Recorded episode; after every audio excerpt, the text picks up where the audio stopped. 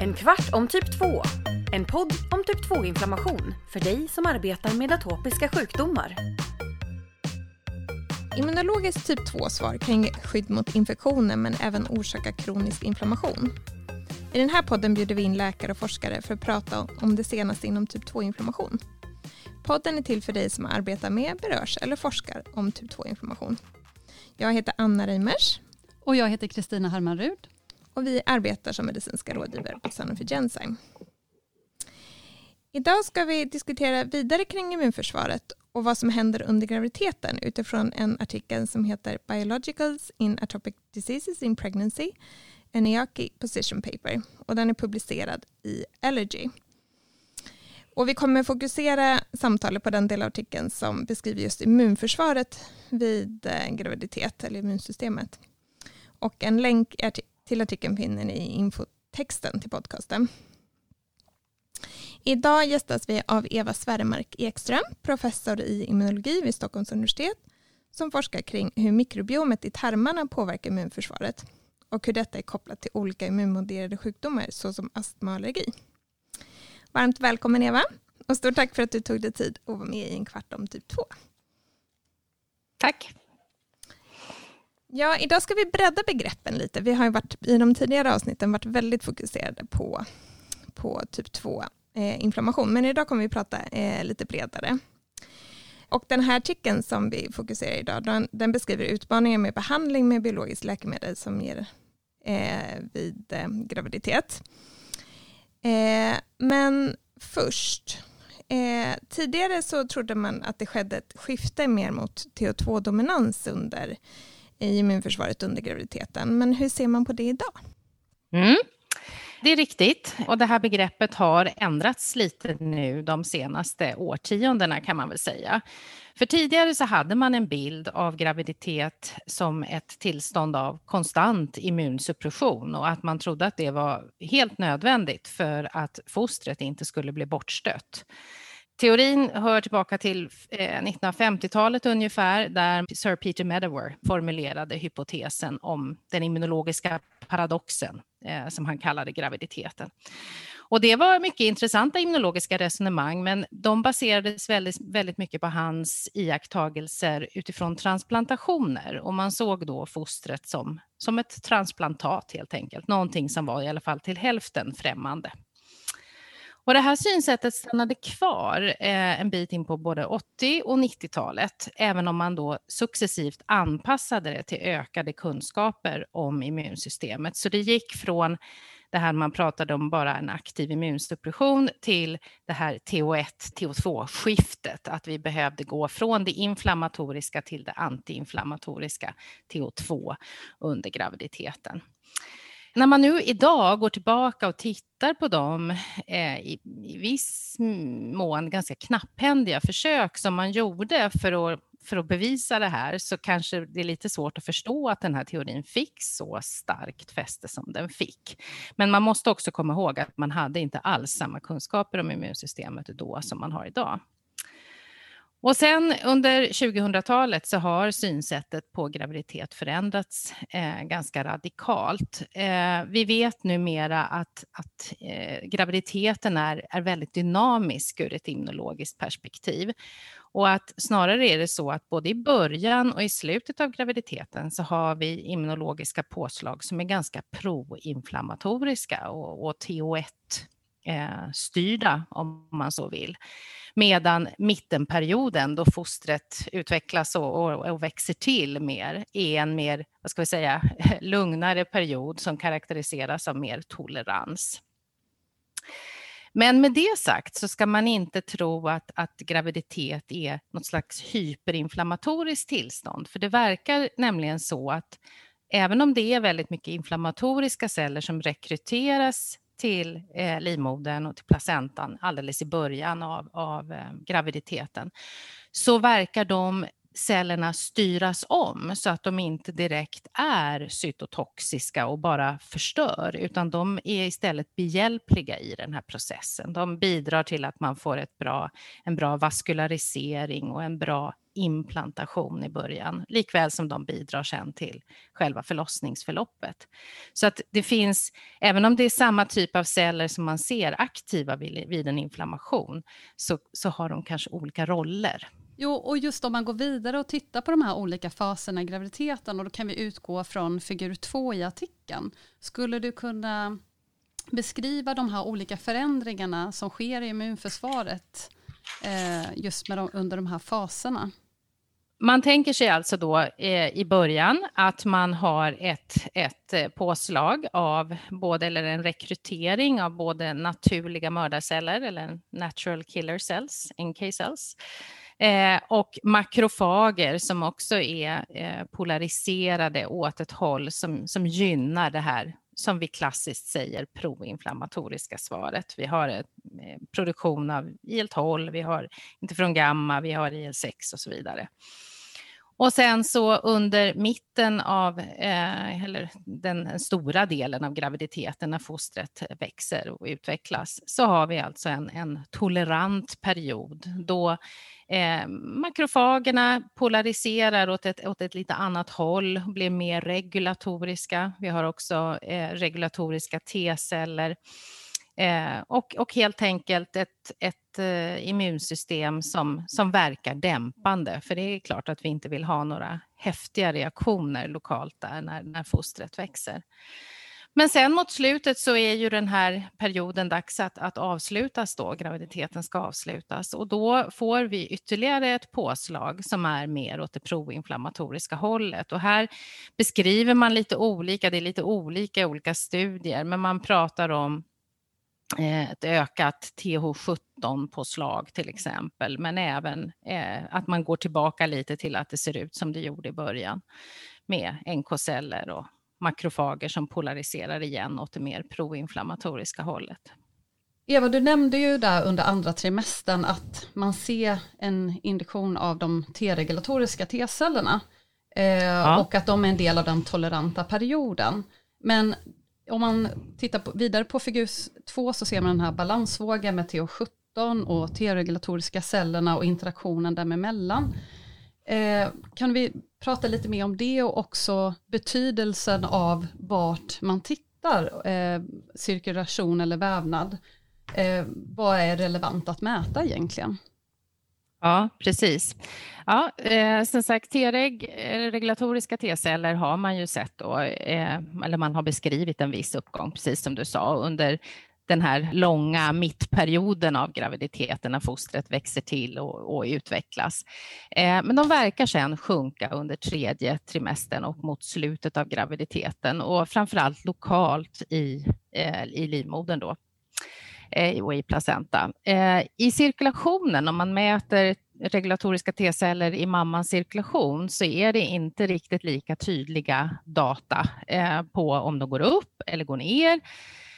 Och det skulle naturligtvis kunna vara så också att de regulatoriska T-celler som behövs, de har migrerat till vävnaden och, och är framför allt där. Eh, och man kanske inte då kan studera dem på något vettigt sätt i cirkulationen, men det vet vi ju inte. Det är ju det är sånt som vi kan anta. Men det kan också vara ganska svårt redan här att jämföra studier med varandra för att vi har definierat regulatoriska T-celler ganska olika genom åren. Från början så handlade det mest om att man skulle uttrycka vissa markörer eh, och så småningom också vissa transkriptionsfaktorer. Och sen har Eh, definitionen på en regulatorisk T-cell blivit mer och mer stringent. Man har lagt till markörer och man vill riktigt eh, måla in dem i ett hörn, så att säga. Man vill verkligen definiera dem ordentligt. Och beroende då på om man jämför en, en studie där man har karaktäriserat dem verkligen i detalj eller där man har varit mer eh, grov i sin analys så kan man ju också få olika resultat. För man kan tänka sig att man faktiskt tittar på olika celltyper. Och det gäller lite samma sak om vi kommer över på To17-sidan, För To17-celler har ju ofta kopplats till eh, patogenes, sjukdom, till ett inflammatoriskt svar som, som vi uppfattar som negativt. Men även de här cellerna verkar kunna öka vid graviditet, även om det är väldigt låga nivåer av de här cellerna. Men på senare år så har man visat att de verkar eh, roll för att både de tidiga och de sena perioderna av graviditeten faktiskt ska gå som de, som de ska, att, det vill säga att de inte är negativa utan att de har en positiv inverkan på de faserna. Däremot så ska man komma ihåg att man har sett ökade frekvenser av de här cellerna, både vid eh, preklampsi och vid spontanaborter och så, så att det finns säkert en, en, en någon typ av balans som man måste hålla där och de får inte aktiveras för mycket eller bli för aggressiva, för då verkar de vara kopplade till eh, att graviditeten inte går som den ska. Men även här så är det lite av en definitionsfråga. Hur noga är vi när vi, när vi tittar på de här cellerna? Säger vi bara att vi till exempel ska studera dem, så om vi bara har en markör som visar att det är någon form av T-cell och så mäter vi att de kan producera IL-17, då vet vi inte så mycket mer om den här cellen mer än att det är en T-cell som producerar IL-17. Men idag vet vi att även regulatoriska celler eller celler med regulatorisk förmåga kan producera proinflammatoriska cytokiner också. Så att återigen kommer vi tillbaka till det här med definitionsfrågan av våra celler. Vad exakt är det för cell vi tittar på? Är det en ren TH17-cell som kanske är väldigt proinflammatorisk eller är det en cell som har både reglerande kapacitet och eh, förmåga att producera IL-17 och vad gör egentligen de? Reglerar de eller driver de inflammation? Det vet vi inte riktigt och framför allt vet vi inte det under graviditet. Nej, och sen också beroende på vart de är i kroppen Exakt. så kommer det också Exakt. kunna ha olika funktion. Precis så är det. Det kommer att kunna spela roll beroende på om vi studerar de här cellerna i cirkulationen eller i vävnaden. Och där vet vi ju då att, att eh, placentan, cellerna i placentan verkar kunna eh, styra mammans immunceller i viss utsträckning så att de, även de cellerna som är cytotoxiska, som är eh, inflammatoriska, får en lite annan roll, i alla fall inte en roll att ehm, eh, förstöra i den här intrauterina miljön, utan snarare gynna själva implantationen och placentationen. Eh, vid olika atopiska sjukdomar då ser man ju ofta förhöjda både IL-5 och eosinofiler. Vet man vad de spelar för roll under graviditeten eller om de spelar någon roll? Det är förvånansvärt oklart skulle jag vilja säga. Vad gäller eosinofiler är det inte alls eh, klarlagt vad de spelar för roll. Det har föreslagits att de eh, hjälper till också och bidrar till de vävnadsförändringar som, som behövs under tidig graviditet. Men eh, i djurstudier i alla fall har man inte kunnat koppla eh, avsaknad av eosinofiler till minskad fertilitet till exempel. Ja, ingen, ingen varken ökad eller minskad risk. Eh, istället så verkar de faktiskt, i alla fall några rapporter visar att de verkar sjunka under graviditeten och Eh, man har väckt frågan att om man, om man undersöker mängden eosinofiler hos eh, personer med misstänkta parasitsjukdomar så kan just en graviditet spela en ett spratt för att man har falskt låga nivåer av eosinofiler under graviditeten. Och man har också rapporterat att patienter som normalt sett har väldigt mycket förhöjda eosinofiler klarar av att vara gravida utan, utan problem och att det snarare är så att antalet sjunker under graviditet. Så att det är inte särskilt entydiga data, väldigt svårt att säga om eosinofiler spelar någon roll eller inte. Vad gäller IL-5 så produceras det absolut av celler i placenta, i deciduan. Men vilken roll IL-5 spelar där, det är inte heller särskilt klarlagt. Eftersom det produceras så har det antagligen någon roll, men det är inte, inte kopplat till något direkt eh, lyckande eller misslyckande av en graviditet. Så. Ja, någonting som vi dock har lite mer information om det är ju antikropparna och hur de verkar under graviditeten. Vad vet man om antikropparnas förmåga att just placera placentan under graviditeten? Ja, här vet man desto mer. Och det är ju då IgG, som passerar placentan och i motsats till vad man kan se i vissa eh, framförallt textböcker och så, så är det faktiskt alla subklasser av IgG som kan passera. De passerar dock i olika utsträckning, så vissa är bättre på att passera än andra. Och de, trofoblasterna i placentan de uttrycker en särskild receptor, neonatala FC-receptorn, som transporterar de här antikropparna över placentabarriären. Och den här transporten börjar tidigt under graviditeten men ökar kraftigt mot slutet. Så sista delen av graviditeten så får fostret en enorm mängd IgG och när det föds så har det väldigt höga nivåer, faktiskt eh, högre än vad mamman har. Och den här passagen är jätteviktig eftersom det tar ett tag för barnets adaptiva immunsystem att starta och producera egna antikroppar. Så de här antikropparna verkar ju då skyddande för barnet under den första tiden. En sak som är intressant är ju att IgE faktiskt finns i placenta och finns på eh, trofoblasta. Däremot är det ingen skillnad hos allergiska eller friska kvinnor. Och man vet fortfarande inte vad det här IgE gör i placentan, men det är möjligt att det är bundet till IgG eh, och på något sätt transporteras över till, till barnet via de här FC-receptorerna som kunde binda IgG. Och att det kanske också hjälper till att skydda barnet mot vissa typer av infektioner. Men det, det är bara en ren spekulation, för det vet man inte. Men man vet att det finns där på barnets sida, så att säga. Om man tänker kring autoimmuna sjukdomar, då ser man ju ofta eh, vid flera autoimmuna sjukdomar så ser man kanske att aktiviteten ofta går ner vid eh, graviditet. Vet man någonting om mekanismen bakom det här, varför det blir så? Ja, det, det beror ju lite på vilken autoimmun sjukdom man tittar på. Och de, om man då försöker dela in dem i, i, i TO1 och TO2. det är ju mm. någonting också som ligger till grund för det här med att graviditeten är ett TO2-fenomen. För att man såg just att de som man klassiskt kallar för TO1-medierade, de blev då bättre under graviditet medan de som man från början beskrev som TO2-medierade autoimmuna sjukdomar, de blev då sämre. Och det är väl någonting som fortfarande kvarstår. Jag menar, man, man ser att vissa sjukdomar som reumatid artrit eller multipel skleros kan bli bättre under graviditet medan SLE till exempel kan bli sämre. Sen vet vi väl att SLE kanske inte ska beskrivas som en strikt TO2-medierad sjukdom heller, utan den är ju väldigt komplex den också. Och även de andra eh, autoimmuna sjukdomarna som jag nämnde, de är kanske inte inte bara TH1 heller. Men det, det, det är absolut ett, ett, eh, vad ska jag säga, ett fenomen som visar att de immunologiska förändringar som sker under graviditeten har ska säga, systemiska eller stora effekter på ett immunsystem som är i obalans, som det ju ändå är när man har de här typerna av autoimmuna sjukdomar. Men att därmed säga att vi har den här tydliga TH1 och TH2 uppdelningen, det tycker jag att det finns väldigt mycket andra data från eh, graviditeter hos i övrigt friska, eller eh, friska kvinnor som visar att det inte är så enkelt.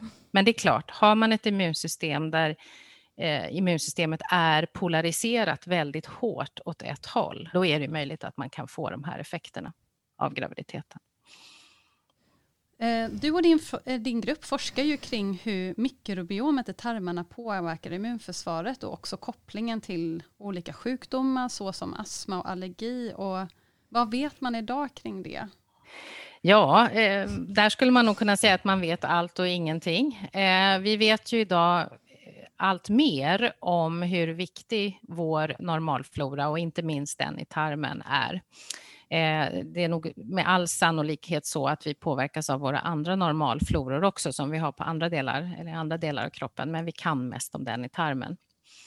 Eh, med det sagt så ska man också komma ihåg att, att även om vi numera sekvenserar eh, alla bakterier och så som vi har i tarmen så vet vi ganska lite om, om dem ändå och deras funktioner.